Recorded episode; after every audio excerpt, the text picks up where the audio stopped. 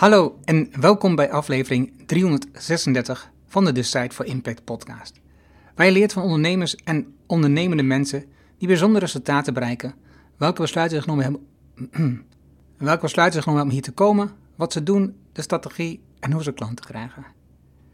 Mijn naam is Arno Hanning en ik deel mijn opgedane kennis, ervaringen en expertise met jou. Ik coach ondernemers zodat ze besluiten nemen om een impact te groeien. Vandaag het gesprek met Gerard de Lede. Gerard is CTO en medeoprichter van composiete zonnepanelenontwikkelaar en fabrikant Solarge. Gerard is tevens professor of practice bij de Hieronymus Academie voor Data Science, oftewel een onderdeel van de TU Eindhoven, in Smart Energy. Gerard heeft de afgelopen 12 jaar drie solarbedrijven gestart en was gedurende de periode 2014-2017 CTO bij Heijmans. Tijdens die periode is dus de basis gelegd voor Solarge door een solide samenwerking op te bouwen met de kunststoffen multinational SABIC. Bij alternatieve manieren van energie opwekken is zonne-energie het meest populair bij huisbezitters. In bijna iedere wijk staan huizen met zonnepanelen op het dak. En op steeds meer daken van stallen en bedrijven worden heel veel zonnepanelen aangelegd, tenminste dat zie ik in mijn regio. Geen wonder dus dat Nederland nu koploper is in Europa met het aantal zonnepanelen per hoofd van bevolking. De vraag van zonnepanelen zit in de lift. Maar wat gebeurt er nadat het paneel stuk is of aan het einde van zijn levensduur is? Ja, dan kunnen we er niet zo heel veel mee. Met de zonnepanelen van Solarge is dat anders. Dit zijn circulaire panelen die lichter zijn dan normaal omdat ze gemaakt zijn van gerecycled kunststof. En de zonnecellen worden straks ook duurzaam geproduceerd. Gerard gaat tot het uiterste voor duurzame zonnepanelen. Leer hoe je komt van veel onderzoek en proeven naar een volledig fabriek in dit gesprek. Laten we beginnen. Welkom bij Decide for Impact. De podcast waarin je leert van ondernemers en experts die een positieve, duurzame bijdrage leveren aan mens en omgeving. Met persoonlijke verhalen die je helpen om impactbesluiten te nemen voor jullie bedrijf. Dan nu, jouw business coach, Engel Halling. Welkom in de nieuwe podcastaflevering, dit keer met Gerard de Lede. Uh, welkom Gerard. Wel. En um, Gerard is um, uh, CTO van uh, het, het bedrijf Solarge. So large. en er zit een soort dubbel uh, woordspeling in het woord voor mij. Dat was ook de bedoeling. Ja, zie je toch wel. Ja. hij heeft verschillende functies gevoerd. In, bij Philips is hij begonnen, Heijmans, um, onderzoeksinstelling TNO. Maar daar ook een aantal verschillende bedrijven gestart. En zijn nieuwsbedrijf, dat heette Solarge, was gestart zijn. En daar gaat het over zonnepanelen. En ik wil graag met jou gaan over um, nou ja, hoe je hier bent gekomen. Uh, ik heb het wel een beetje gezien dat ik denk, oh ja, daar zit, daar zit een logische stap in. Maar ik ben zeer benieuwd, want jij hebt um, aan de Universiteit van Eindhoven gestudeerd en heb je onderzoek gedaan naar um, glas. Correct. En dat heb je na tijd gebruikt bij Philips. Um, uh, leg eens een, een, een, beetje in, in zeg maar, lekentaal uit wat je hebt uh, onderzocht en wat je hebt bevonden zeg maar, toen in jouw doktersonderzoek, doctoraalonderzoek. Ja, misschien nog leuk om te melden wat ik daarvoor deed. Ik ben afgestudeerd in uh, technische natuurkunde op het vakgebied windenergie. Ja, dus oh ja, ja, dat waar ook, ja. Een leuk haakje naar, naar een passie die ik destijds al wel had, maar niets mee kon doen, omdat in, het kijken naar een leuke werkomgeving dat niet aan de orde was. Ik ben dus gaan promoveren inderdaad op het gebied van uh, glasfibers. Um, ja, daar vier jaar uh, hard op gestudeerd om, om daar uh, die techniek een stap verder te brengen. Ik zal niet op details ingaan te veel, maar glasfibers voor telecommunicatie onder, op hele grote afstanden. En dat doe je door een heel speciaal glas uh, te gebruiken. En die uh, kennis die ik toen opdeed, uh, een deeltje daarvan heb ik nog wel wat plezier van. Maar natuurlijk is dat promoveren vaak, en ook bij mij, heel specialistisch werk geweest. Um, het heeft er wel toe geleid dat ik, ehm, toen ik bij Philips aan de slag ging, rond 1990, dat ik um, op een, ook een high-tech vakgebied terecht kwam, namelijk semiconductors. Dus het, uh, het maken van uh, chips uh, in de volksmond, maar eigenlijk wevers en plakken waar je uiteindelijk inderdaad die microchips uit produceert. Ehm, veel van geleerd over high-tech omgeving en ultraschone werkplaatsen. Maar uiteindelijk, nadat Philips die fabriek in de, er was een pilotfabriek, heeft gesloten. Philips zat toen midden in operatie Centurion. Dus die hebben toen de keuze gemaakt om, om, in die pilotfabriek niet verder te gaan, alleen de gewone productiefabrieken elders. Um, en heb ik mijn uh, volgende plek uh, gezocht bij Philips en daarbij uh, het thema glas kwam daar weer terug.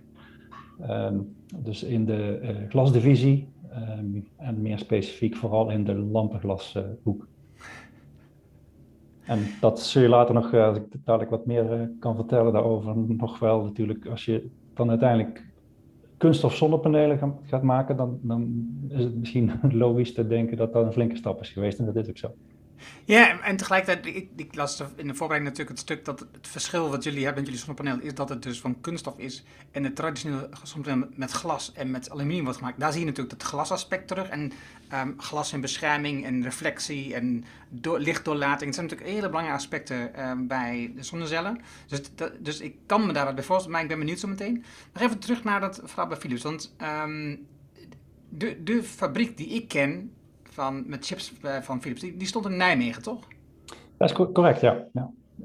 Ik, die pilotfabriek die leverde eigenlijk de kennis om in fabrieken als die in Nijmegen en uh, Zwitserland of Frankrijk, ben ik even kwijt, om die daar toe te passen in de, in de dagelijkse productie. Maar, maar het gedeelte waar jij in zat was puur onderzoek, was puur uh, pilots kennis uh, ontwikkelen.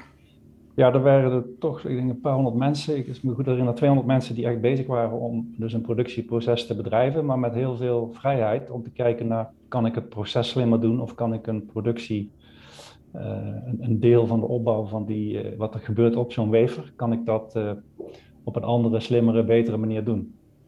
Dat betekent dat zo'n fabriek dus nou, bijna, bijna dagelijks testen doet. En dat is best complex proces, omdat er wel 200 stappen zaten om te komen tot zo'n halfgeleider. En dus door hele teams van engineers werd doorgegeven. En eigenlijk, misschien kun je het.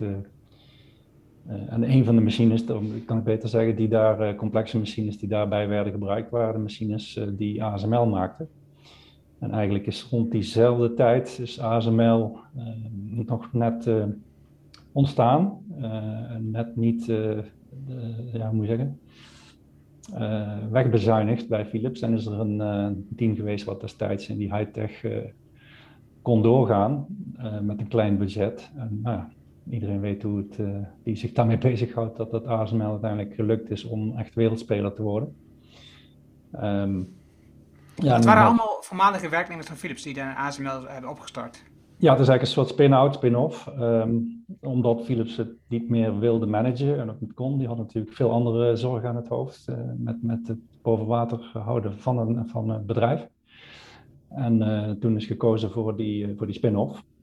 En uh, daar zijn natuurlijk de creativiteit die al in die teams was, is, is daar alleen maar verder uitgenut om het nog verder te laten groeien. En, en ja, middels goed teamwerk een complexe machine uh, steeds hogere complexiteit, maar ook steeds betere performance geven.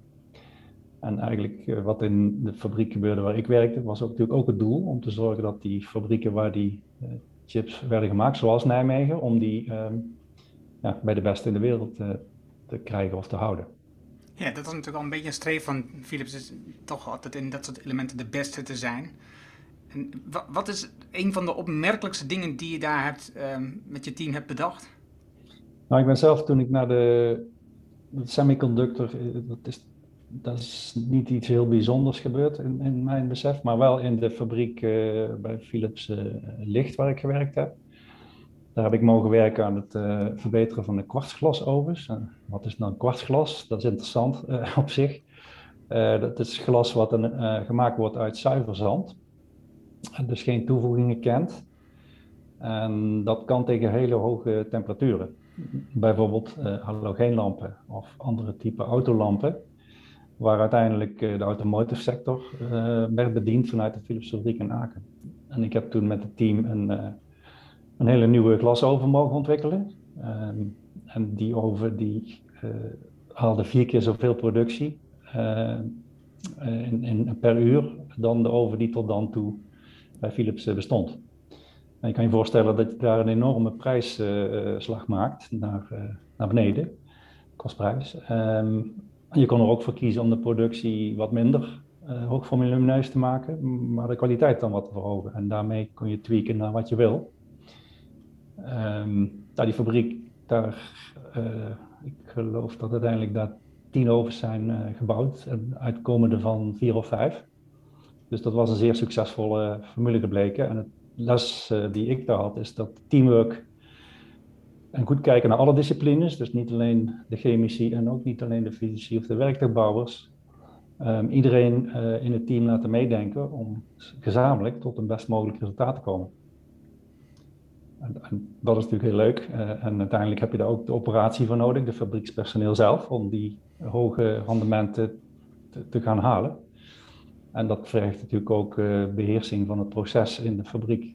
Je kunt niet zomaar het over de schutting gooien en hopen dat het allemaal goed komt. Wat, wat zag jij, ik kan me niet bij voorstellen, maar zag jij ook verandering, um, of net zeggen, weerstand van de mensen in de fabriek naar de overgang naar deze nieuwe machines? Ja, die is er wel even geweest. Uh, voor enige schepsis misschien, zeker toen de eerste week of weken um, eigenlijk chaos was. Hè. Er kwam geen goed glas uit, uit de nieuwe oven.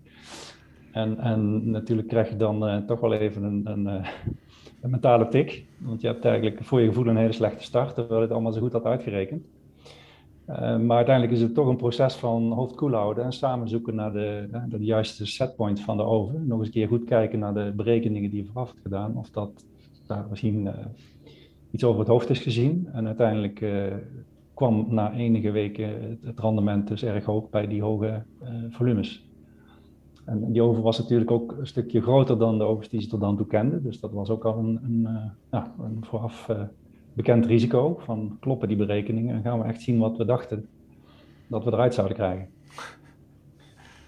Ja. Het bijzondere zo is dat uiteindelijk die fabriek, ik weet niet in welk jaar, en dit speelt in de jaren negentig, uiteindelijk is verkocht door Philips. Uh, en, en, echt het, nou ja, er zijn partijen geweest die zeiden dat toen dat, dat kwartsglas het beste kwartsglas was in de wereld. Ook ten opzichte van concurrenten als Osram.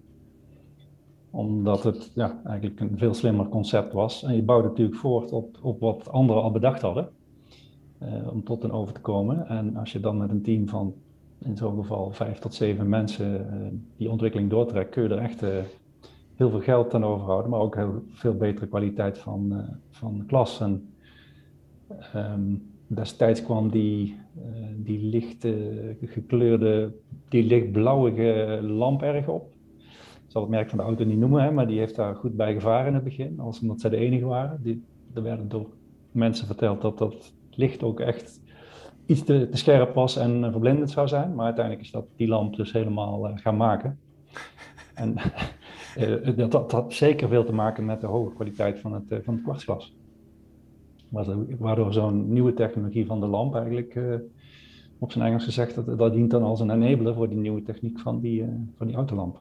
Ja.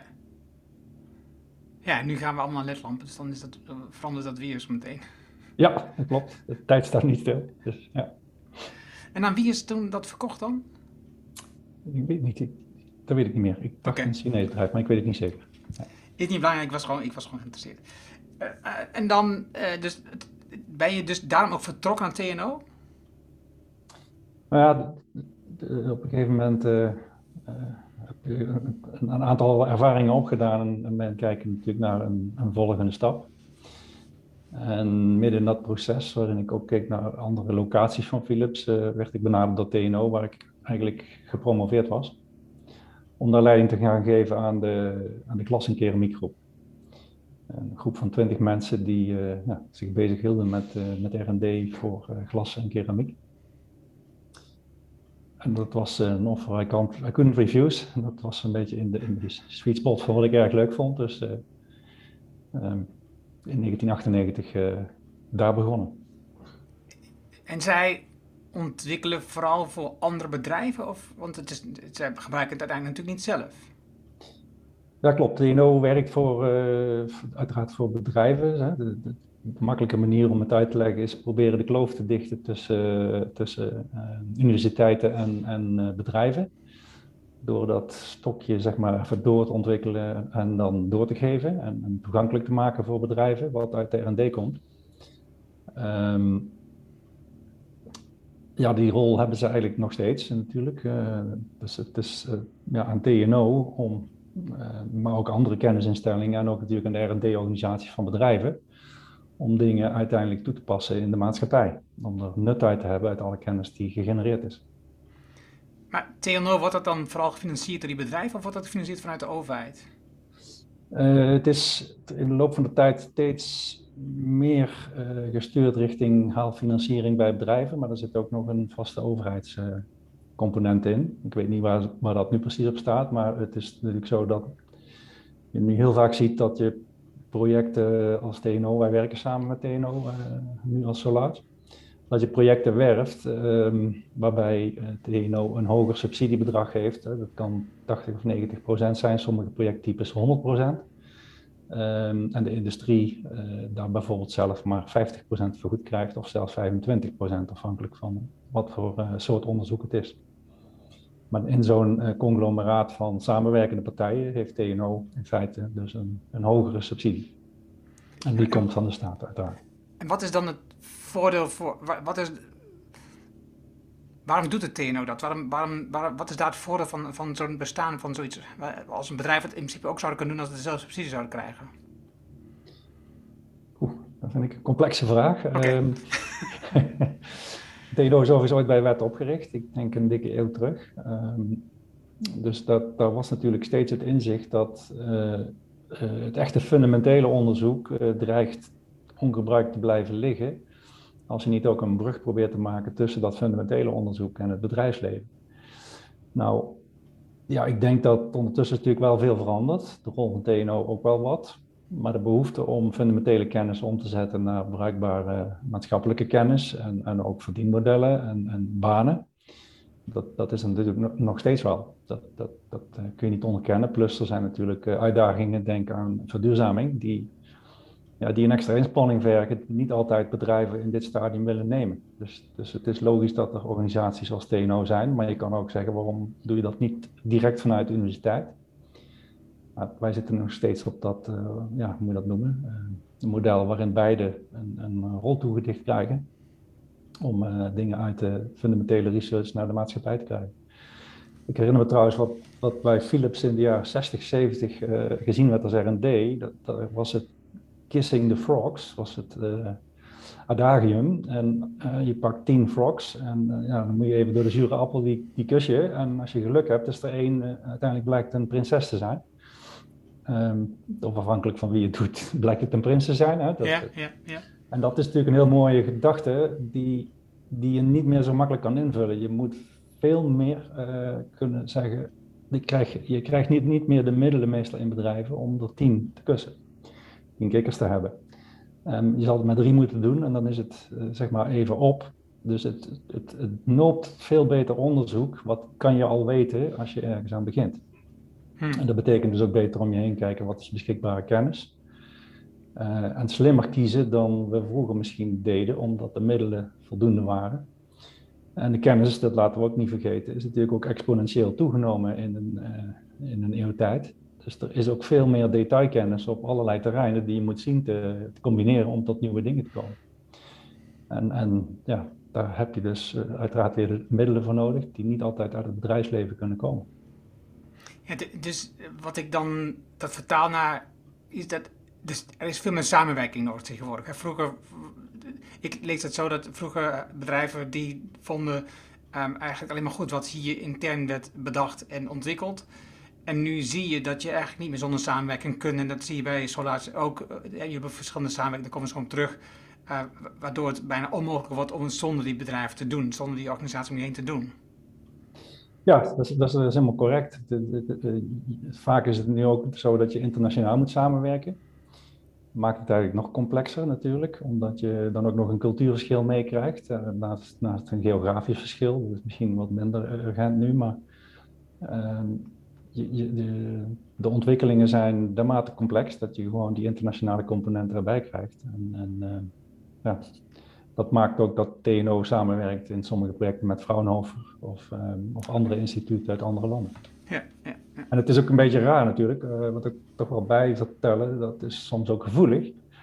Uh, op het moment dat het Nederlandse belastingbetaler, die betaalt natuurlijk uiteindelijk de, de kennis die TNO opbouwt. Uh, als die kennis uiteindelijk in het buitenland wordt gebruikt, en het komt uh, vrijwel niet of niet te, ten gunste van de Nederlandse belastingbetaler, dan is dat ook vreemd. Je kan zeggen, de technologie komt een stukje verder en er komt een onderdeel van, uh, noem, maar eens wat, een auto die in Born wordt gemaakt, komt uit een land uh, waar die is ontwikkeld samen met een partij als TNO, hè, die ook sterk zijn in automotive. Dan kun je ervoor pleiten, oké, het is een onderdeel van een auto waar wij een, een, betere, een betere auto van kunnen produceren. Maar het is wel zo dat de eerste direct profiterende kan een partij zijn die uh, in het buitenland zit. Um, tegelijkertijd kan je ook niet afwenden van de wereld, want dan kom je er ook niet, uh, niet veel verder. Ja, ik zit, ik zit te, ook te denken aan, en mede door de voorbereiding, dat, dat TNO wat je vertelde, en wat ik ook las, is dat je natuurlijk, um, je hebt te maken met bedrijven uit het boek van Marianne Mazzucato. Die is een econoom, dus die eh, zit in, in, in, in uh, Londen en uh, in veel EU-functies. En zij heeft in haar boeken bijvoorbeeld een paar keer over dat de grote bedrijven, um, met name dan Amerikaanse bedrijven zoals Apple en um, uh, Elon Musk met zijn bedrijven uh, veel gebruik maken van technologie die ontwikkeld is met overheidsgelden. Dus, dus dan zie je dat veel van die bedrijven die ontwikkelen en die groeien met, met ontwikkelingen die zijn gedaan uit overheidsgelden vanuit de, uh, hoe heet het, het leger of vanuit de universiteiten. Of in, nou, in dit geval zou ik denken aan TNO in Nederland. Die bedrijven, die bedrijven die nutten dan die innovatie enorm uit. En worden daar enorm rijk van. En keer dat uit aan aandeelhouders. Um, terwijl eigenlijk zie je dan nooit, en zo beschrijft Matsukato dat dan eigenlijk nooit de, weer een, een, een, feedback, zeg maar, een terugkoppeling van de middelen die toeverdiend zijn door het bedrijf aan de oorspronkelijke generator van die innovatie die zij toepassen. En dat is eigenlijk natuurlijk een kromme situatie. Hè? Dus als belastingbetaler betaal je mee aan ontwikkeling. En uiteindelijk gaan aandeelhouders met um, de opbrengsten van die ontwikkeling aan vandoor. En jij beschrijft net zo ook al zoiets dat je dus je doet innovatie in Nederland, wat betaalt de Nederlands belastingbetalers. Uh, en dan um, komt het in een ander land komt het ten goede. Dat is toch wel apart. Nou, ik ben het eigenlijk 100% eens met die, uh, met die kijk. En mij, mij, zijn die, die inzichten ook bekend. Um, ik vind dat het op zijn gezegd een dilemma, omdat je kan natuurlijk zeggen als een bedrijf uh, haar geld verdient, betaalt ze ook belasting. Maar die situatie is natuurlijk ten opzichte van een paar decennia terug toch, toch uh, behoorlijk verminderd. Omdat we natuurlijk in de globalisering heel snel zien dat belastingen kunnen worden ontweken dan wel verlegd naar gunstige tarieven, landen. dus dat terugverdienmodel van wat de staat instopt, dat is misschien nog aanwezig via de consumptiegedrag. Hè. Daar, wordt natuurlijk ook belasting betaald. Maar uiteindelijk krijg je het niet terug van de bedrijven die soms natuurlijk enorme bedragen verdienen, zeker doordat ze in waarde stijgen. Hoewel daar in Amerika, en daar ben ik geen kenner in, daar zijn wel, um, um, daar wordt wel meer mee gewerkt. Um, bij TNO, om maar een voorbeeld te noemen, zag je ook wel wat oefeningen om over het intellectueel eigendom afspraken te gaan maken. Maar dat is ook een lastige, omdat je als bedrijf natuurlijk toch uh, vaak veel minder subsidie krijgt en het last een hoop van het werk doet. Ook het hoogste risico loopt natuurlijk, want uh, ja, het, is, het is risicokapitaal wat je erin steekt. Dus um, het is niet heel simpel om een betere oplossing te bedenken. Ik weet, ik ben wel in Mazzucato dat het, dat, er, dat het nu mank loopt. En dat er een andere manier moet worden gevonden om, um, ja, om die dingen die uit innovaties komen, uh, ook ten goede komen aan, aan, uh, aan, de maatschappij zelf die daarvoor betaald heeft. Ja, je, ziet, je ziet het nu, uh, we hadden het vast ook heel even kort over, je zit nu ook in, in de farmacie, hè, dus nu met de ontwikkeling van het um, vaccinatie rondom het coronastuk. Het is, het is in hoog tempo gefinancierd door, door overheden internationaal. Maar die bedrijven, die al, ook al ontzettend veel geld hadden, die worden alleen maar rijker. Want die zijn in staat om nieuwe vaccins te ontwikkelen en uh, verschillende vaccins aan de man te brengen. Tekenen eigenlijk veel te hoog tarief. Want daarin zit um, een soort marge die zij buren maar niet teruggaat naar de burger uh, wat ooit heeft betaald voor het onderzoek. Dat is, en we hebben het nu even over technologisch, maar dit is een, farmacie is eigenlijk exact hetzelfde probleem. Ik denk het ook. Ja, ik denk dat farmacie ook, ook gewoon een technologisch product is, um, waar ontzettend veel marketing uh, voor wordt bedreven ook. Uh, wat veel gebruikt wordt natuurlijk, uh, vanzelfsprekend, omdat het over volksgezondheid gaat. Um, maar daar geldt precies hetzelfde voor, ja. Dat, en daar schieten onze huidige economische modellen voor tekort, denk ik, ehm, of ons economisch systeem. Ik, ik, zie wel, maar dat is een andere zijstap, ik zie wel dat er ook natuurlijk economische theorieën zijn over het uh, verhoogd uh, financieren van het, uh, van het verduurzamen van de maatschappij. En daar zijn natuurlijk een paar vooraanstaande economen, ik heb geen namen paraat, die heel duidelijk stellen dat dat, dat kan. Ook dat daarvoor uh, staatsschuld mag worden aangegaan en staatsgeld kan. Zolang het maar zo is dat de banen die daardoor gecreëerd worden, dat daar geen gebrek aan is. Met andere woorden, dat er geen inflatie ontstaat doordat, doordat er niet genoeg mensen zijn om dat werk wat, waarvoor het geld beschikbaar is gesteld, dat het gewoon niet gedaan kan worden. Hmm. En dus dat is een voorbeeld uit de verduurzaming, waarbij je kan redeneren, we, we hebben een klimaat te, klimaatverandering te bestrijden. En dat doen we door uh, uh, infrastructurele maatregelen die we betalen uit middelen die uiteindelijk toch terugkomen, omdat natuurlijk al dat werk en al die uh, goederen of diensten uiteindelijk toch ook weer tot belastingheffing leiden. En uiteindelijk dus een, in de financiering die je van tevoren moet doen, wel terug gaat komen op termijn. Ja, en dat is natuurlijk eigenlijk precies het onderwerp waar jullie in zitten. jullie maken een product wat, um, wat uiteindelijk, als het goed is, als je kijkt naar de energietransitie, je kijkt de stukken van um, agenda van Marianne Minnesma door, of uh, ja, noem de aspecten maar op, als je kijkt naar de toekomst. Er zit zoveel um, uh, mogelijkheden en kansen in om ervoor te zorgen dat we meer verduurzamen. En zonne-energie is er daar één van, windenergie is een andere, eh, getijden, noem maar op. Maar jullie zitten, jullie zitten de zonne-energie.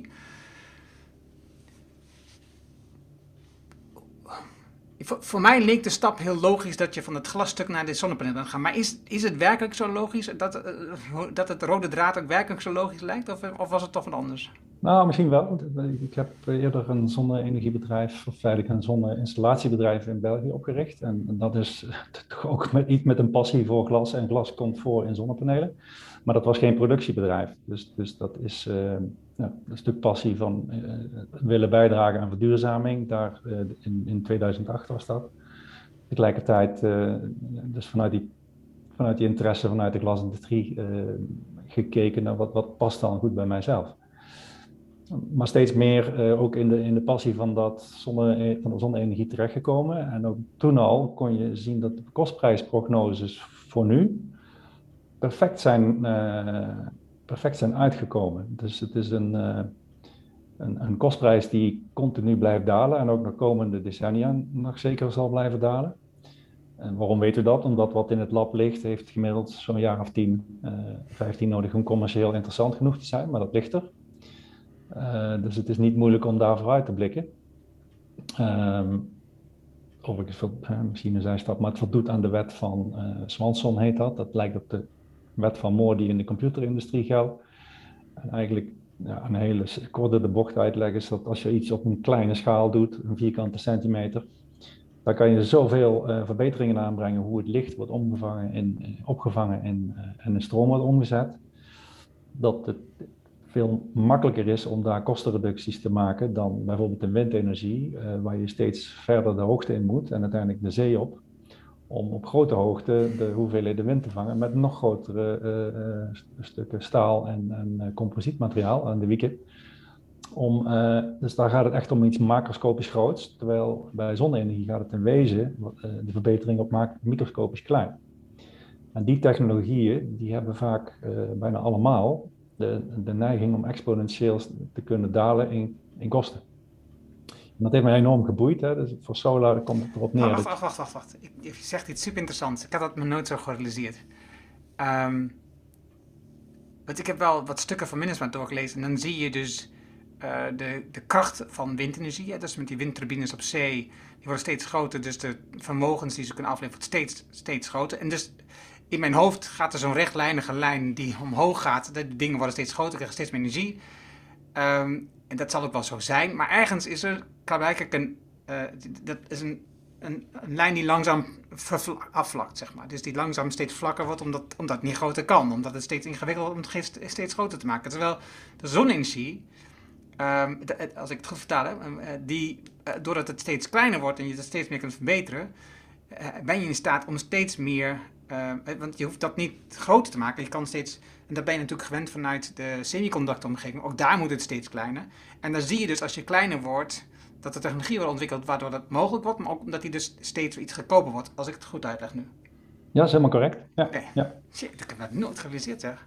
Ja, het, is, um, eigenlijk is het nu al zover dat, uh, om het concreet te maken, toen ik in 2008 begon met solar in België, waren de zonnepanelenprijzen 3,20 euro per wattpiek. Dat is de eenheid waarin men uh, telt. Nu kost zo'nzelfde wattpiek kost, uh, tegen de 30 cent, is even 20 geweest, maar door de crisis nu uh, tegen de 30 cent per wattpiek. Maar als je de prognoses hebt op basis van wat er in het lab zit, ehm, gaat dat gegarandeerd uiteindelijk naar 10 cent per wattpiek. Dan zijn we wel in 2035, 2040 aanbeland. Ehm, wat dan wel begint op te spelen is dat, dat een zonnepaneel moet je ook monteren. En dat kost arbeid en kost wat materiaal. En je hebt er een omvormer bij nodig om, om, om, het, om de stroom op het net te zetten en wisselspanning van te maken. En het is al lang gebleken eigenlijk dat, en, en een projectontwikkeling kost ook weer geld. Dus het is al lang gebleken dat die andere kosten nu uh, ook minstens ja, richting dominante, of in ieder geval substantiële delen aan het schuiven zijn. doordat het zonnepaneel zo, zelf zoveel in prijs is gedaald. Dus straks zie je dat het effect van de daling van de prijs van het zonnecel aan zich um, steeds minder impact heeft op de eindprijs voor jouw installatie. Ja, ja dat klopt. Ja. Het gaat dan meer en meer om uh, hoe, hoe, eenvoudig is het om te monteren. Het gaat natuurlijk ook al meer en meer, misschien komen we er straks op, op, op de impact die het paneelproductieproces uh, zelf heeft op het milieu. Eh, CO2-output en, en toch nog wat toxische stoffen die, die, die in sommige zonnepanelen, of eigenlijk de meeste zonnepanelen zitten.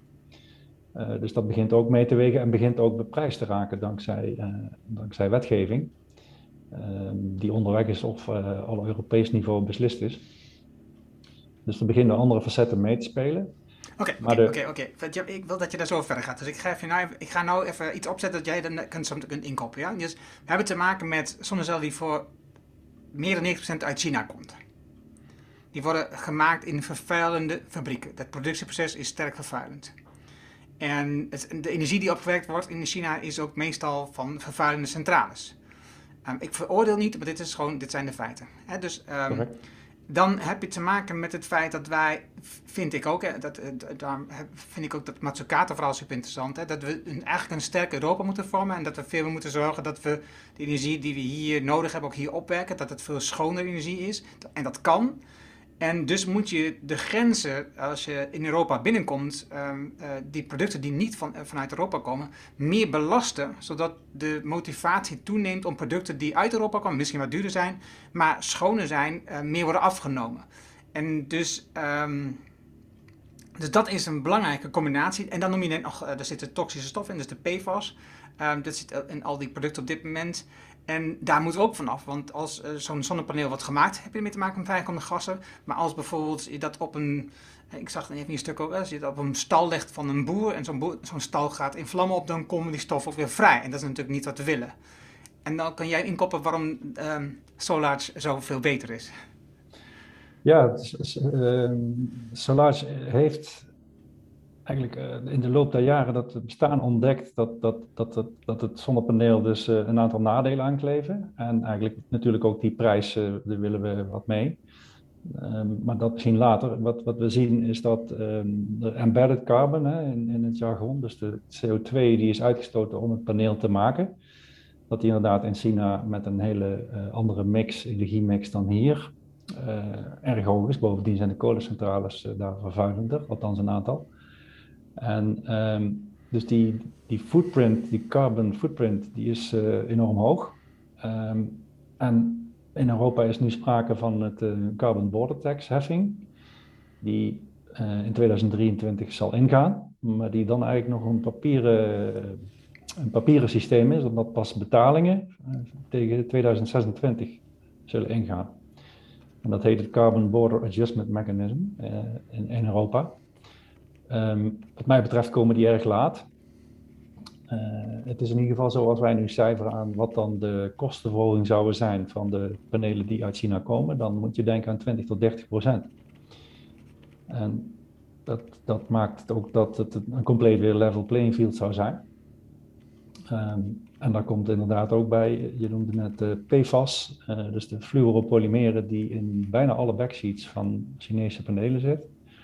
Dat is een relatief goedkope oplossing om de kwaliteit te halen van het paneel, aan de vereisten te voldoen. Maar fluoropolymeren, PFAS, heeft natuurlijk ook een groot probleem en daar is een ban uh, van opkomst uh, in, in Europa in de algemene zin. Um, die is in de maak en de bedoeling is dat de stoffen die uh, vervangbaar zijn, dat die dan ook verboden worden. die die PFAS-stoffen verboden worden in die toepassing. Want, waar, want waarom, misschien technisch, maar ik ben benieuwd, waarom is dat een goedkope oplossing om de um, kwaliteit van de zonnecel te verbeteren? Wat, wat, is daar, wat doen ze precies? Nou, een, een, een, zonnecel moet goed beschermd worden, want die kan niet tegen vochtindringing, zuurstof, uh, stikstof, dus ook gassen. En die diffunderen door de meeste kunststoffen. En um, uh, niet, niet door solars, maar dat is omdat het daarvoor juist uh, speciaal is ontwikkeld dat zeg ik. Maar de meeste kunststoffen uh, die, die, die hebben een doorlaatbaarheid voor die, uh, voor die gassen, meestal via diffusie, uh, zoals dat heet. En met zo'n extra fluor tussenlaag in het, in het kunststof kun je dat tegengaan. Hmm. Want die houdt dat prima buiten. Maar het comes with the price, om het zo te zeggen. het nadeel is dat je dus meteen PFAS in je product hebt. En, Helder. Ja, dus technisch een aardige oplossing, maar de neveneffecten voor de volksgezondheid zijn, nou, daar kan je best wat veel artikelen over vinden, zijn niet best. Want het PFAS, komt dat ook gewoon vrij als je niets doet? Nou, PFAS komt niet vanzelf vrij, dus dat, dat is een heel stabiele stof. Maar als je natuurlijk een brand hebt, dan komt het uiteraard vrij. Uh, als je het uh, produceert, en dat is ook een van de grote uh, issues in rechtszaken die, die er lopen en in, ja, problematieken die er zijn bij fabrieken, dat je dat, eh, daar stoffen bij vrijkomen. En die in de omgeving zijn geloosd en die zeer en zeer schadelijk zijn voor de volksgezondheid. Hmm. En bij het dumpen van het paneel is het ook de vraag, waar komt het dan terecht? Het, het meeste zonnepanelen worden verbrand. Uh, het, het, glas wordt natuurlijk gedeeltelijk uh, daarvan afgehaald. Dat, dat kan meestal nog wel. Uh, althans kun je scheiden. Ehm, maar dan worden de reststoffen worden verbrand en dan komt dus de PFAS ook uh, vrij. En die kan je in die verbrandingscentrale wel via gaswassers uh, terugwinnen, maar dan heb je zuren met fluor erin, die, uh, nou, die, die, ook niet goed zijn voor het, voor het milieu. En dan gaan we nog even vanuit dat iedereen netjes doet wat hij zou moeten doen. Ja, wat niet zo is natuurlijk. Dat is niet altijd zo. Weten we ja. hand. Ja. ja. Oké, okay, nu um, wat mij in eerste instantie um, verraste, maar na te, uh, door verder te lezen begreep ik het steeds verder. Uh, dus jullie product wordt in Europa gemaakt.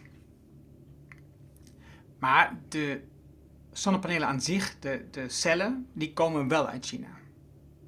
Dat is correct. We hebben nu op dit moment uh, maken wij nog gebruik van Chinese zonnecellen. Het is zeer de vraag of we dat blijven doen. Sterker nog, wij denken zelf dat dat, ehm, als we echt voor volume gaan, niet meer doen. We zijn ook, uh, as we speak, uh, in gesprek met, uh, met een aantal um, cellenleveranciers die gebruik maken van grondstoffen die geraffineerd zijn in, in, in Noorwegen met, met waterkrachtstroom. in Frankrijk zou je natuurlijk ook zoiets kunnen doen, omdat je daar atoomstroom hebt op dit moment.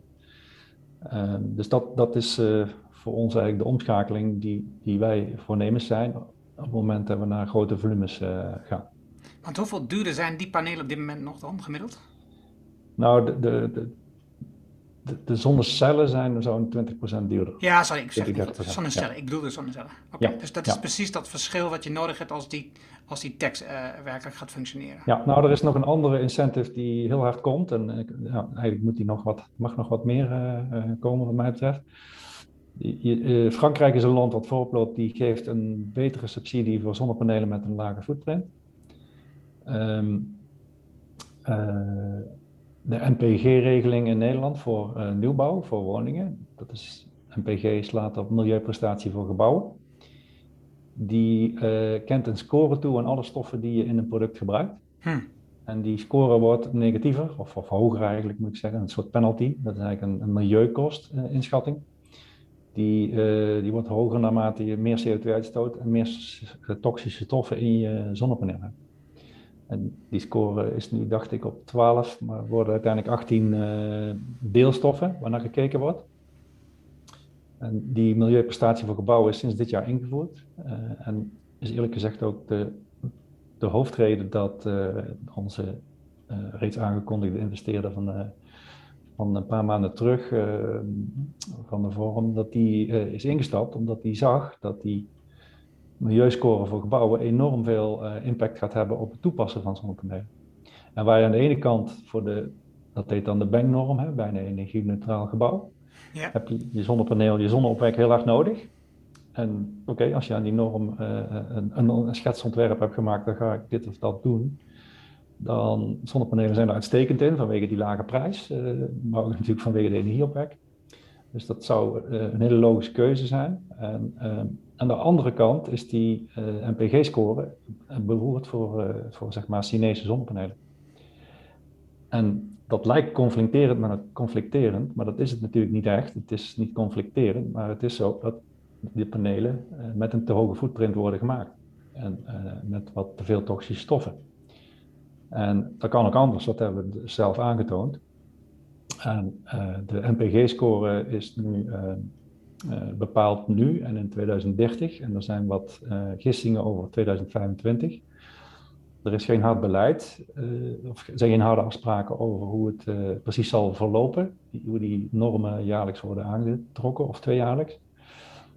Wat we wel weten is dat een aantal steden, Amsterdam loopt daarin denk ik voorop, maar ik weet zeker dat er meer zijn, dat die strengere normen hebben dan de landelijke eis is. En die landelijke hijs hangt natuurlijk vast aan Europese afspraken. Um, maar er zijn wel steden die alleen maar toelaten dat er gebouwd wordt met een betere milieuprestatie hmm. dan de eis is.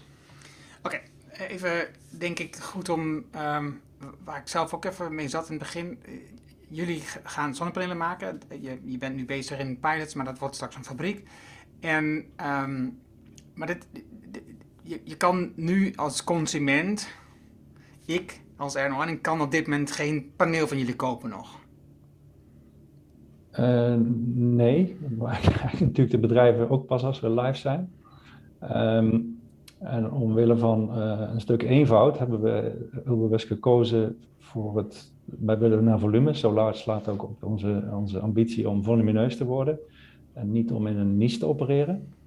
Maar we moeten die, die markt wel openbreken door investeerders in, in ons model uh, aan te trekken. En wij hebben dus, uh, ik heb wel solar ervaring natuurlijk in distributie via, via de groothandelsfunctie. zo komen een aantal merken nu natuurlijk ook bij consumenten terecht, doordat de installateur bij een groothandel de panelen aanschaft. Maar we hebben puur omwille van de eenvoud van onze distributiekanalen gekozen om te starten te starten met, uh, met panelenverdeling via grote projectontwikkelaars. Maar het is zeker niet onze uh, restrictie om dat dadelijk niet te gaan doen via groothandel. Of, of wie weet, je kan natuurlijk ook denken aan webshops, dat, dat, dat zou allemaal nog uh, denkbaar zijn. Maar we moeten die fabrieksvolumes die we hebben eigenlijk goed kunnen distribueren via de grotere ontwikkelaars en, en bij wijze van spreken met een tiental projecten van, uh, van klanten gewoon zeker zijn dat we onze eerste half jaar tot jaarproductie kunnen verkopen. En dus vandaar die keuze. Ja, het is gewoon economische haalbaarheid van, van het geheel door gewoon volumes te produceren. Ja. Hey, en en ehm, jullie hebben nog een, je, je zijn bezig met investeren met vermogen, maar de fabriek zou moeten, volgend jaar moeten staan. We hebben, eh, dat is niet helemaal correct wat ik nu zeg, want deze opname komt in januari 2022 online, dus dat is dan dit jaar. Even corrigeren. Dus die moet dit jaar online komen staan, of uh, uh, live komen staan, die, dat, dat machinepark. Um, waar komt die dan te staan? Nou, we hebben een aantal opties op het oog. en ja, het is wat vroeg, denk ik, omdat we nog allerlei gesprekken voeren. Maar in Nederland wil ik eigenlijk... Ja, ja zeker in Nederland. Oké, ja, nee, ja. plaatsen, dat is, dat is prima dat, dat we het nog niet kunnen zeggen.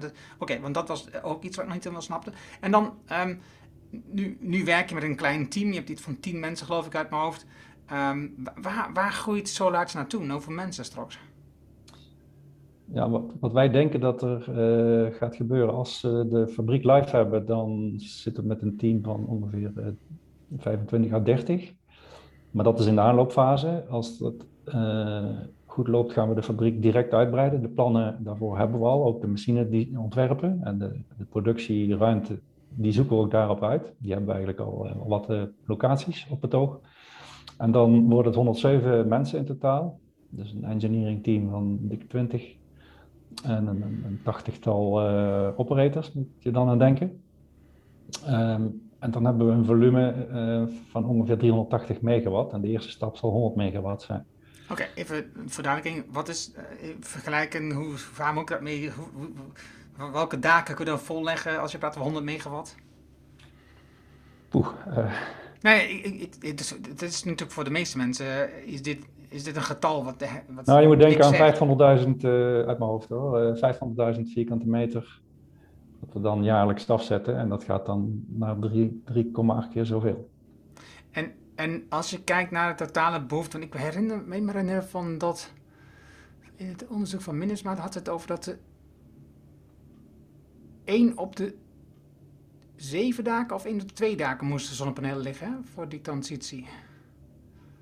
Nou, ik zou moeten gaan gokken, maar ik, ik, ik, ik kan andere getallen aanhalen. Dus, dus we hebben in, schattingen die ook weer door TNO worden meegemaakt, maar ook ja. andere natuurlijk, uh, al gauw 200 gigawatt uh, nodig. Oké, okay, uh, dus dat, is, dat, dat was gewoon tal wat naar zocht. Dus we hebben 200 ja, gigawatt nodig. Oké. En we zitten nu op 10 gigawatt, hè, vorig jaar. dus we zijn inmiddels alweer een stuk verder, want het jaar is weer bijna om. maar 10 gig was de capaciteit die vorig jaar was gelegd in totaal. Alles, alle jaren die daarvoor afgingen, dus meegerekend. Dus er is nog een enorme opgave te gaan. Er zijn ook scenario's van er komt nog veel meer uh, zon en wat minder wind. Nou, daar kun je over twisten. Maar die orde vergroten van 100 tot 200 gigawatt en misschien zelfs meer. Uh, dat is de opgave die er, die er ligt. Um, als je kijkt naar uh, Europa, is die natuurlijk vele malen groter. Europa wil um, middels IPSAI-initiatief IPSAI staat voor Important Project of Common European Interest. Dat wordt dus gezien van er is eigenlijk een meer ruggensteun nodig om een eigen uh, industrie op te bouwen, om niet afhankelijk te zijn in onze transitie van, van uh, nou, geopolitiek, uh, van, van CO2-uitstoot elders. Um, gedwongen arbeid wordt ook gezien als, als daaraan bijdragen. Dus dat, dat wil onafhankelijker worden. Um, en, en daarvoor ligt deze ambitie. Voor de uh, batterijen uh, is die al toegekend, die status. Dat betekent dat IPSAI-regeling, uh, als je het IPSAI-predicaat verwerft als industrie, samenwerkende industrie, dan kan er wat gedaan worden aan extra staatssteun. Die zich dus onttrekt aan de huidige staatssteunregels. logisch, omdat je iets te verdedigen hebt of iets te bereiken hebt als maatschappij, wat van levensbelang is, of in ieder geval zwaar belang. En daar kan je geen, uh, geen afhankelijkheid voor veroorloven. En dat is een volle gang, die, uh, die, die IPSAI-initiatief. er zijn nu ongeveer 55 partijen, maar er komen ongetwijfeld nog meer. Om te kijken of dus, de, EU hiermee die status wil verschaffen. In elk geval is Kadri Simpson, de, de commissioner voor, voor de energiemarkt, is er een groot voorstander van om een sterke solarsector te helpen opbouwen omdat ja, het, het, het deficit is, is uh, erg voelbaar geworden door, door, uh, door de coronacrisis. En, en dus is het logisch om nu meer stappen te maken. En ik denk dat, dat het ook goed kan, omdat de, de kostprijs Inmiddels is de fabricage van zonnepanelen is zodanig minder in arbeidskost dan het jaren terug was. Dat het produceren in China om die reden geen enkele zin heeft. Het heeft niks hmm. te maken met arbeidskost. Heeft alles te maken met, met uh, nou ja, wat kost dan energie nog, hè, om, om bijvoorbeeld silicium te maken. nou, dat wordt nu gedaan in Xinjiang voor 60, 50% silicium wereldwijd. En daar liggen de goedkoopste kosten voor, voor kolenenergie om silicium te maken. Nou, dat soort mechanismes krijg je er natuurlijk niet uit. Die krijg je er echt pas uit als je uh, eh, CO2-beprijzing doet, maar die zitten dus wel aan te komen. En wat we zeker weten is dat de, de, de materialen die wij gebruiken zijn, zijn eigenlijk afkomstig van wereldmarkten als solaars. En we hebben, ik heb, ja, die vroeg straks, uh, glasindustrie, dat uh, polymer is misschien een kunststof een klein stap. Dat was voor mij een enorme stap eigenlijk. Toen ik CTO was bij Heijmans kwam, uh, zat ik op de deur kloppen met de mededeling: wij gaan daken van kunststof maken en, en zonnepanelen. En ik was echt overtuigd dat dat gewoon niet kon. dus tweede, derde gesprek en, uh, was ik overtuigd dat dit de toekomst is. En dat glas grotendeels zou worden weggeconcurreerd van de solarmarkt op termijn. En natuurlijk vergt dat diepgaand inzicht. En die, een partij als Sevic had dat al. En als je die analyse mee ingaat, dan zeg je dat is, het is uh, als je vooruit wil kijken naar hoge volumes, dan is dit de logische weg om te gaan. Dus we zijn destijds uh, bij Heijmans omgegaan en samen gaan werken. En uiteindelijk is Solaats eigenlijk een uitvloeisel van die, van die samenwerking. Wat, wat zijn de grote productieomgevingen in Europa waar voor de toekomst verwacht jij? Locaties bedoel ik dan?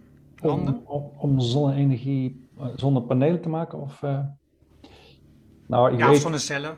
Ja, uh, het maakt iets uit. Hè. De silicium is natuurlijk, ik noemde net de voorbeelden al, zijn voor de hand liggende landen, Noorwegen, die hebben al een positie overigens daarin. Oké. Okay. dus die maken echt al wel een paar gigawatt polysilicium. Um, daar wordt ook binnen de IPSAI, maar ook buiten die IPSAI-initiatieven, worden nu investeringen voorbereid om daar te groeien. En Frankrijk is natuurlijk ook een logische, omdat je daar ook met een lage carbon footprint zit en ook al beloond wordt vanuit de Franse subsidiesystemen met die lage carbon footprint. Dus daar liggen ook eh, een aantal plannen in vergevorderd stadium. Verder weet ik in Spanje uh, is een initiatief en in Italië, de energiemaatschappij in Italië, heeft een productielocatie op Sicilië. Um, en ja, ongetwijfeld zijn er nog wel wat meer, maar dat zijn eigenlijk een paar landen die eh, heel duidelijk grote initiatieven hebben. En wij scharen ons als Solars daarbij om het in Nederland eh, op te gaan zetten. Wel, uh, heb ik net niet verteld, maar wij hebben natuurlijk de groeiopgave om in Nederland met een grotere fabriek te komen uiteindelijk. En misschien de buurlanden te gaan beleveren in eerste instantie, maar het is uiteindelijk logischer om uh, de fabriek te kopiëren in andere landen met een op dat moment goede, goede solarmarkt. En wat ook kan met onze technologie, en dat maakt de schaalbaarheid meteen veel sterker, is dat je het kan licentiëren.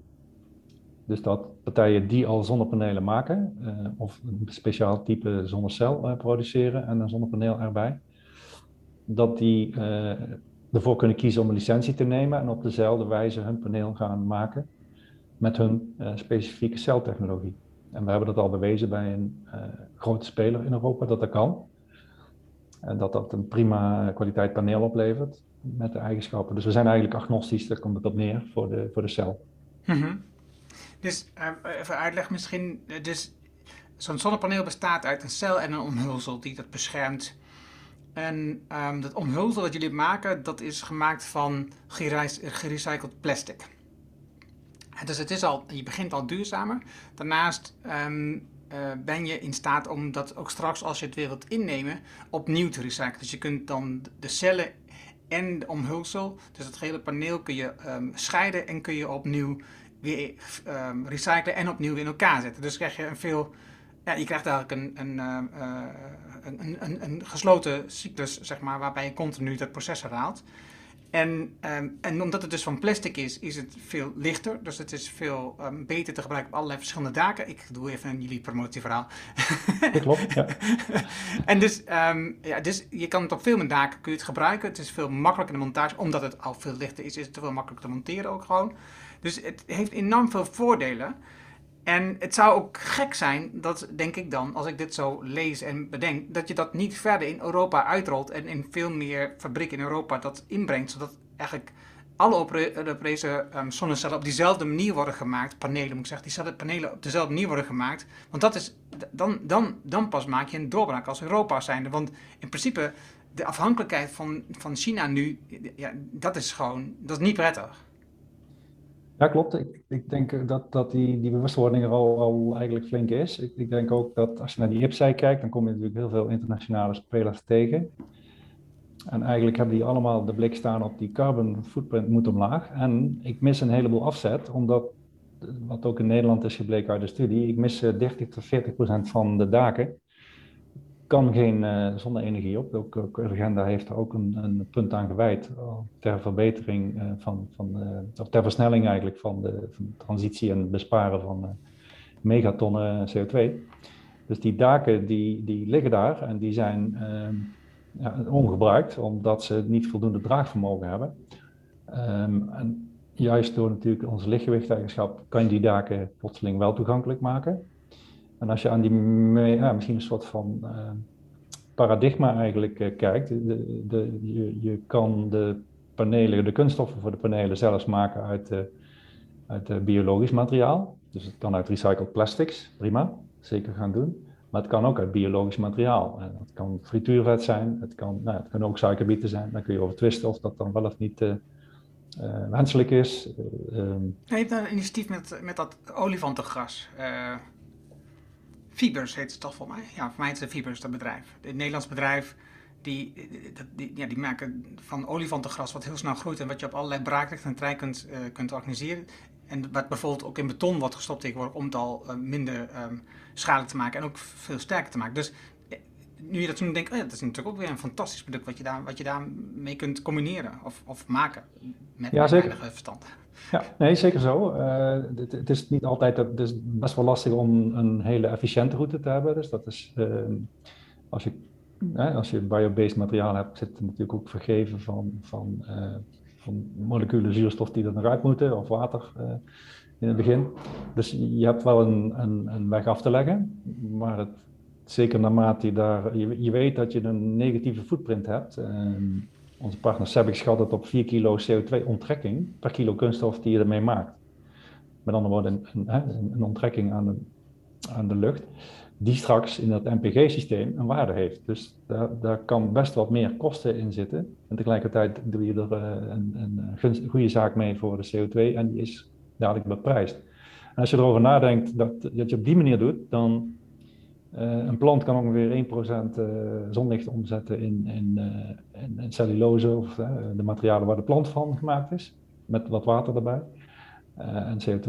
En, en, en als je daarmee uiteindelijk een zonnepaneel maakt en je legt dat op een dak, de huidige zonnepanelengeneratie doet zo'n de betere, die doen 23% oogst van zonlicht in stroom. Dus je maakt een, een oppervlak, en zeker als je een dak gebruikt natuurlijk, dan uh, ben je ook niet in concurrentie met, met uh, land voor landbouw. Uh, dan dan leg je hem uit het zicht en, en, haal je ineens 23 keer meer energie jaarlijks uit dat vierkante meter wat je tot je beschikking hebt dan, dan wanneer je het met een plan doet. En in feite kan je, als je erover doordenkt, kan je dat eigenlijk steeds zo blijven doen en steeds je voorraad zonne-oogstende panelen blijven vergroten. En na 25 jaar, de einde levensduur, moet je natuurlijk een, eh, terug gaan recyclen, maar dan kunnen ze recycled worden in precies hetzelfde systeem. Uh, waarbij je de, de, panelen ontmantelt, dus lithium, zilver, aluminium, uh, tin en koper eruit haalt en weer gebruikt voor de volgende generatie zonnecellen die weer in een zonnepaneel gaan. Dus jouw toekomst is een zonnepaneel op elk dak? Ik denk dat dat. Uh, ja, ik denk dat het een. een uh, het klinkt een beetje een no-brainer wordt. Uh, ja. Omdat de zonne-energieopwek dusdanig goedkoop wordt. Um, dat, dat het letterlijk een no-brainer is om een oppervlak wat een bouwfunctie heeft, tegelijkertijd ook een energieopwekfunctie krijgt. En natuurlijk, hè, we, hebben, we weten allemaal dat dat niet overnight kan, omdat je ook ehm, moet zorgen dat je het op, tegen beheersbare kosten kan in, invoeren op het net. Maar die technologie om dat te doen, dat is een stukje van de leerstoel die ik heb, daar heb ik me veel in verdiept, dat gaat wel uiteindelijk natuurlijk de goede kant op. Het gaat te langzaam, hè. Dan, denk ik dat we onderhand dat, dat wel eens zijn. Maar dat gaat wel gebeuren. En wat we ook vaak vergeten is dat als we wat zonne-energie misten op de beste dag van het jaar, omdat het net op dat moment even vol zit, ja, dan is dat ook geen drama. Dan verlies je op jaarbasis hooguit een paar procent.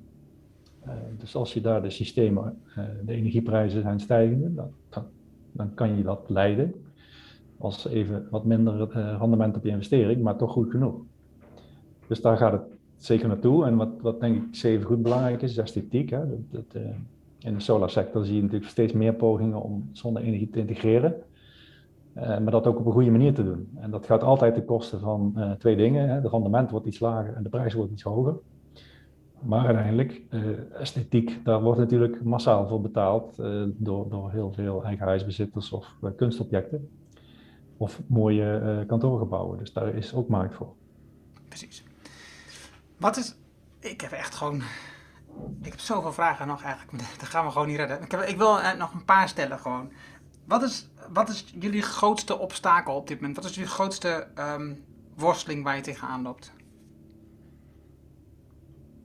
Nou, waar wij het, het, meeste moeite mee hebben gehad, was het vinden van kapitaal om die fabriek in te richten. En um, dat, dat uh, ja, dat is gewoon draait lastig in, in een land als Nederland, uh, wat, wat, op zich natuurlijk niet heel groot is en waar, um, ja, waar het niet overloopt van, van, het, uh, van het durfkapitaal. En de, er, is, um, er zijn een hele aantal mensen die wel een, het eerste durfkapitaal opbrengen en daar zijn wij super blij mee geweest en, en nog steeds met de steun van uh, wat dan heet de Business Angels, de hoofdkapitalist. Uh, maar de uh, investering in een fabriek die in de orde van 10 miljoen ligt, zoals die van ons, waarbij je dus een, een hoop apparatuur moet aanschaffen, dat, dat wordt ineens een stuk lastiger, omdat wij eigenlijk van een pilotproductie naar een hele hoge volume moeten. En ook hebben onderzocht of dat via een tussenstation kan. Antwoord nee, dat is zinloos. Hm. En dan heb je dus meteen fors kapitaal nodig. En daar zijn heel weinig instituten dan wel partijen voor te vinden. En er zijn ook hele lange trajecten die. Nou, ik heb wel eens uh, recent gehoord bij MIT zijn er sommige projecten die binnen zes weken van start gaan. Van, van eerste gesprek tot, tot het echt het geld van dit soort prijs, of investeringsniveaus. En in Nederland is dat niet aan de orde. En ik denk wat er ook een beetje voor de voeten loopt, maar dat, dat, dat kan je niet zeggen, wegcijferen, dat is dat het natuurlijk ook makkelijker is om in zon- of windprojecten te investeren, die min of meer gegarandeerd rendement hebben. Ja. Terwijl een start-up altijd een hogere, uh, per definitie natuurlijk, uh, bijna altijd een hoger risico heeft. zeker als je nog niet hebt kunnen aantonen wel dat er handtekeningen zijn van afnemers, maar niet dat er al omzet is. En ja, daar, die kloof, daar wordt veel over gepraat door start-ups, die dit, die dit voelen en zien. En dat is onze grote uitdaging. En wij zijn gelukkig bijna aan het einde van die, van die uh, funnel naar uh, het vinden van het uiteindelijke uh, werkkapitaal, of het hele kapitaal. Maar daar gaat wel altijd kostbare tijd mee verloren. Ja. dat, dat is voor de transitie minder goed. En voor ons bedrijf natuurlijk ook, weet je wel, ehm, die concurrentievoordelen die je op enig moment hebt opgebouwd ook snel mogelijk te gelden maken. En, en, en niet uh, dat de concurrent al wakker aan het worden is van verdorie, verdorie dat is uh, interessant wat daar gebeurt. Je wil die voorsprong van, wij schatten net drie, vier jaar, ja, die wil je ook daarop houden. Ja. ja. Is, is, wat je, we hebben nu gezien dat het pensioenfonds uit Shell stapte. Is, is, voor dat soort fondsen zou toch eigenlijk zo'n investering zoals jullie bedrijf eigenlijk heel erg logisch zijn. Want het is een lange termijn investering die ze doen. Het is over niet morgen per se het geld te hebben. Um, en tegelijkertijd zie je dat veel um, kleinere partijen uh, van die zonneparken, zeg maar, daarin investeren. Waarvan je eigenlijk wel weet dat dat niet de toekomst is.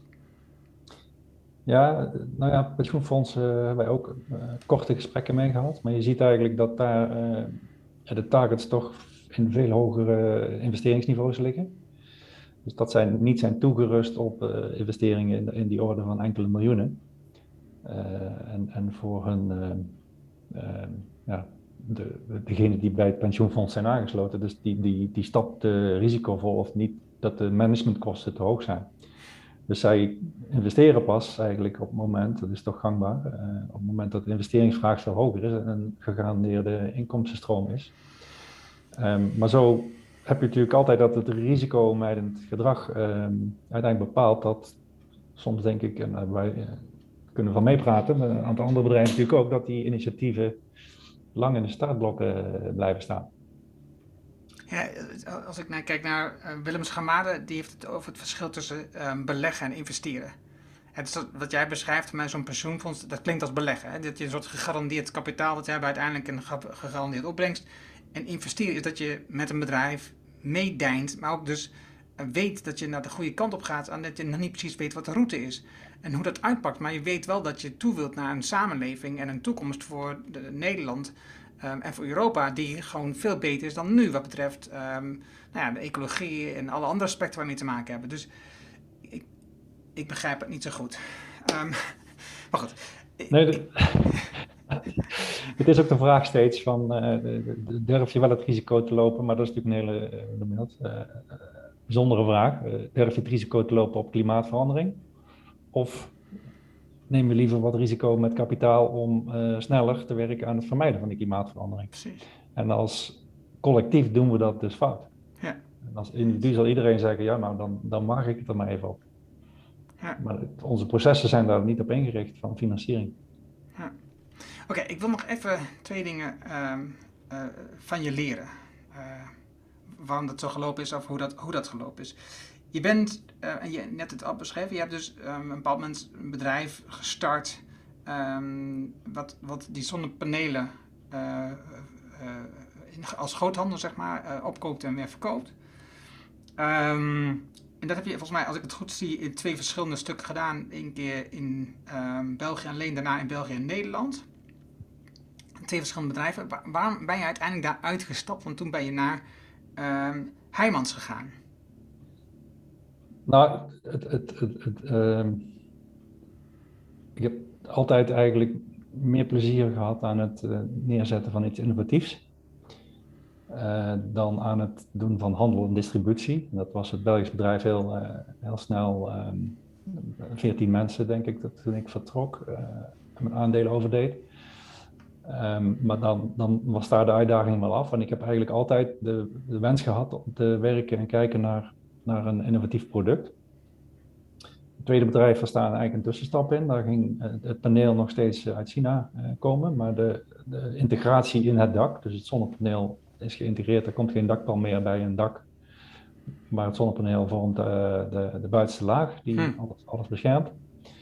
Maar ook dat is natuurlijk beperkt innovatief. En, en ik was door Heijmans benaderd om, om daar CTO te worden, toch een ondernemende CTO. En ja, dan, dan is de kwestie van geluk dat op pad uh, zo'n zo'n partij komt die, die uh, zonnepanelen van kunststof wil gaan maken. Uiteindelijk ook daken trouwens, daar zijn we al mee bezig. En één dak is al van kunststof gemaakt met zonnepanelen van kunststof. In Sittard. dus dat, dat, is de next step die eraan gaat komen. Met een enorme verlaging van de footprint en recyclability, prima. Maar dat zo'n geluk moet je natuurlijk wel hebben. Dat je op een bepaald moment op een plek zit waar zo'n kans voorbij komt. En dan bij nader onderzoek bleek dat dus een hele mooie kansen zijn. Ja, dan, dan is het een logische stap om te kijken naar, krijgen we daar de handen voor op elkaar financieel om gewoon een begin te maken. En een goed team. Ja, ik vind het super, Gerard, dat je dat ook geluk noemt. Menig um, leider, tussen quotes, zou zeggen, dit heb ik gedaan, zo. Ik vind het mooi dat je het geluk noemt. Dat is het toch, uiteindelijk. En, natuurlijk, als je niet zoekt, vind je niks. Dat is ook weer zo, maar eh, het komt op het pad. Ja.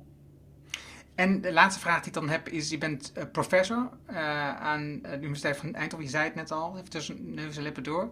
Wat, wat, wat doe je nog uh, als, als professor? Want ik kan me voorstellen dat Solarge veel van je tijd en aandacht vraagt. ja, ehm, nou, ik, eigenlijk vanuit die leerstoel wil ik vooral, uh, die zit vooral richting datakant, maar niet alleen. Ik kijk dus naar de verschillende energietechnieken, hoe ontwikkelen die zich en, en waar denk ik dat de kansen gaan liggen. Maar ook naar isoleren, hè. Is, dat, is dat wel zo verstandig wat we nu doen? Ik denk dat we overisoleren, uh, zeker als je kijkt naar de CO2-uitstoot die bij isoleren komt. Dus ik kijk naar een aantal aspecten die ik zag als CTO bij Heijmans. Van is dat nou wel uh, zo goed? En ik heb me de afgelopen anderhalf jaar erg gefocust op, op een techniek die um, te weinig aandacht krijgt. En dat is dat, de, dat je ook je woning en zelfs kantoren kan verwarmen met infraroodverwarming. En um, natuurlijk in de zoektocht van, oké, warmtepompen zijn heel duur, ze doen niet veel. Die zijn niet exponentieel, uh, het is geen exponentiële technologie. Uh, dat, dat, dat, is gewoon een pomp niet. Um, dus kun je, kun je een slimmere techniek bedenken die, uh, ja, die aan materialen die erin zitten eigenlijk niet meer kosten dan, dan uh, enkele tientallen euro's. Um, en ik denk dat, um, dat die uh, infrarood, infraroodpanelen, warmtepanelen, die zijn heel makkelijk op te hangen. Die hebben een aantal voordelen. En als je naar de data kijkt, hoe kun je die beter um, uh, gebruiken, dan gaat het vooral om het comfort. Dat mensen niet weten hoe ze die uh, panelen moeten afstellen. Uh, iedereen denkt in termen van 21 en 16 graden ja, Celsius. Ja, ja. Van vroeger, nou dat moet je vooral niet doen. Dus, dus dat moet je regelingen gaan bedenken en gaan checken of dat werkelijk zo is. Die dan dat allemaal veel simpeler maken. En dat iemand eigenlijk maar een knopje op één of twee of drie stand moet zetten en klaar. Het, het apparaat heeft intelligentie aan boord om de rest te doen voor je. En, en dat vind ik een heel interessant vakgebied, omdat het uh, iets um, ja, potentie heeft om heel snel kosten te verlagen als maar grote aantallen worden bereikt, worden bereikt voor dat product. Ik, um, dit, dit opent gelijk weer zo'n zo'n uh, deuropening naar zoveel nieuwe ontdekkingen die je zou kunnen doen met jou. en wat ik, toevallig heb ik pas wat dingetjes gelezen over infraroodpanelen die dan aan het plafond worden hangen in het midden van de kamer bijvoorbeeld. Uh, ik, ik, was er totaal niet bekend. Maar en, en dus daar geef je ook nog een opzetje, die, die, die warmtepompen, dat is allemaal, uh, dat is allemaal niet goed. En ook we zijn aan het overisoleren. Dus er zijn zoveel um, super interessante dingen die je nu vertelt, Gerard, dat ik graag nog een keer in de toekomst opnieuw met je in gesprek ga over dat onderwerp. Om te kijken of we daarin gaan. Ook uh, natuurlijk zeker als um, Solarge um, de volgende stap heeft gezet. Want ik ben daar heel benieuwd bij. En, en ik wil jullie graag ondersteunen om dat te verspreiden, onder aandacht te brengen. Want ik, eh, als ik naar je luister, dan denk ik, ja, ik leer zoveel van jou alleen al door dit soort zo'n kort gesprek eigenlijk maar. Het, is, het, is, het zijn we anderhalf uur bijna in gesprek zo'n beetje. Maar het is eigenlijk heel kort uh, wat je aan kennis opdoet in verhouding. Ik vind het fantastisch. Dus ik, ik, ik heb echt genoten om, uh, om van je te leren. En natuurlijk heb ik het voorbereid en daar zat natuurlijk ook een stuk tijd in. Maar dan nog, um, ik, ik, ik vond het echt, echt heerlijk om, om, dit, om dit van je te leren. Dankjewel Gerard. Maar graag gedaan, leuk te horen. Echt leuk te horen. Ja. Nou ja, en, en wat ik natuurlijk hoop, is dat jij als luisteraar ook hier wat mee kunt. Niet zozeer dat we nou gelijk een solarpaneel kunnen kopen. Uh, maar wel dat je nadenkt over de toekomst, over de andere mogelijkheden zijn. Dat je nadenkt over de, de, de factor zonnenergie, wat het voor de toekomst zou betekenen. En dat je een beetje gevoel krijgt en misschien een eerste stap zet om verder te onderzoeken op dit gebied. Uh, wat het zou kunnen betekenen als je kijkt naar verduurzaming van, van jezelf, van de omgeving, van het land. Er zitten zoveel kansen en mogelijkheden als ondernemer om hier iets mee te doen. Uh, dat ik denk dat daarom ik juist mensen zoals Geert heb uitgenodigd om hierover na te denken. Dat je het kunt zien, het kan echt in Nederland. We kunnen echt dit soort stappen maken. Dankjewel Gerard. Graag gedaan. Dat was het gave gesprek met Gerard. Je vindt de namen en links die we noemden in het artikel dat bij deze uitzending hoort. Ga daarvoor naar decideforimpact.com slash show 336. Wil je vanzelf automatisch de volgende aflevering van deze podcast op je telefoon ontvangen? Dat kan heel eenvoudig. Heb je een iPhone, dan zit daar standaard de Apple Podcast app op. Open die app, zoek op de Decide for Impact podcast en klik op abonneer. Heb je een Android-telefoon, installeer dan eerst bijvoorbeeld de Play FM app. Open die app, zoek de Decide for Impact podcast op en klik op abonneer. Dat is het. E-, eenvoudiger kan niet. Dankjewel alvast voor het abonneren. Heb je een vraag, een opmerking of een reactie op deze aflevering met Gerard? Stuur dan een e-mail naar podcast.decideforimpact.com. Ik hoor super graag van jou. Wil je leren hoe je ieder kwartaal 195 belangrijke acties realiseert? Wil je 7 tips hoe je uit de waan van de dag komt en de lange termijn doelen nu realiseert? Vraag dan het boek Impactbeslissingen voor een leider aan op decideforimpact.com. Dit is mijn nieuwste boek en je downloadt het helemaal gratis. Je hebt zelfs geen e-mailadres nodig. Er is ook een Kindle en EPUB versie. Wil je de papieren versie van het boek? Dat kan ook. Je betaalt dan alleen de verzendkosten. En omdat het mijn nieuwste boek is, download je het nu helemaal gratis. Vraag het daarom nu aan dus. Vraag jouw boek nu aan op de site voor impact.com. En ik weet, je hebt een volle agenda, je leest het in één avond uit. Dankjewel voor het luisteren en graag tot de volgende. Dankjewel voor het luisteren naar deze aflevering van de Decide for Impact podcast. Ga voor jouw volgende stap naar decideforimpact.com.